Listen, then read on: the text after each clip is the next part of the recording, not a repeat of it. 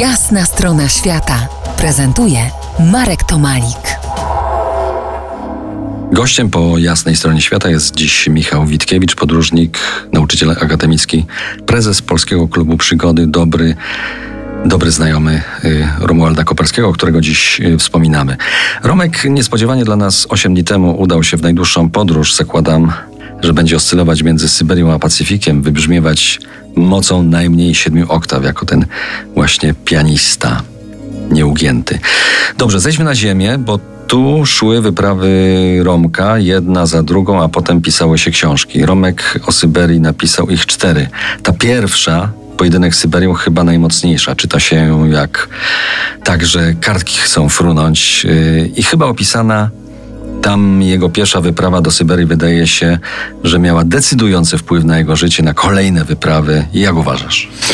No zdecydowanie tak. Ja jeszcze bym chciał wrócić do tej książki. Faktycznie fenomenalna. Ja pamiętam, jak dostałem tą książkę od Ronka, to, to była jedyna książka w moim życiu, którą przeczytałem z miejsca, tak? Zacząłem wieczorem, skończyłem nad ranem.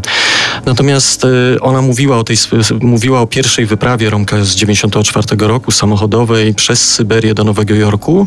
No i faktycznie Romek się wtedy zaraził tą miłością do, do tej olbrzymiej krainy, która w Rosji jest położona.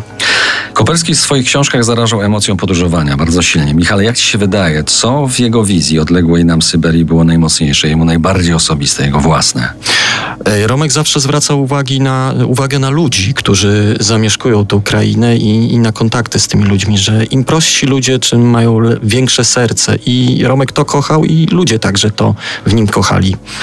Romek Koperski porywająco o swoich przygodach opowiadał, miał wielką pasję, ale i nieprawdopodobne poczucie humoru. Dobrze pamiętam jego występ na organizowanym przeze mnie Festiwalu Podróżników Trzyżywioły w kinie Kijów Centrum, tu w Krakowie w 2013 roku, gdzie był bezkonkurencyjny i otrzymał nagrodę publiczności za najlepszy pokaz. Syberia zimą to była opowieść być, o być może najtrudniejszej w historii motoryzacji zimowej ekspedycji samochodowej z przylądka Roka w Portugalii przez Syberię na dalekie krańce Czokutki. Ekspedycja swym y, brawurowym, ekstremalnym przejazdem jako pierwsza w dziejach motoryzacji spięła zachodnie krańce, krańce Eurazji ze wschodnimi. Sami, bez wsparcia, z zewnątrz, w skrajnie niskich temperaturach, torowali sobie drogę przez liczącą tysiące kilometrów syberyjską tajgę, przełęcze i pustynie arktyczne.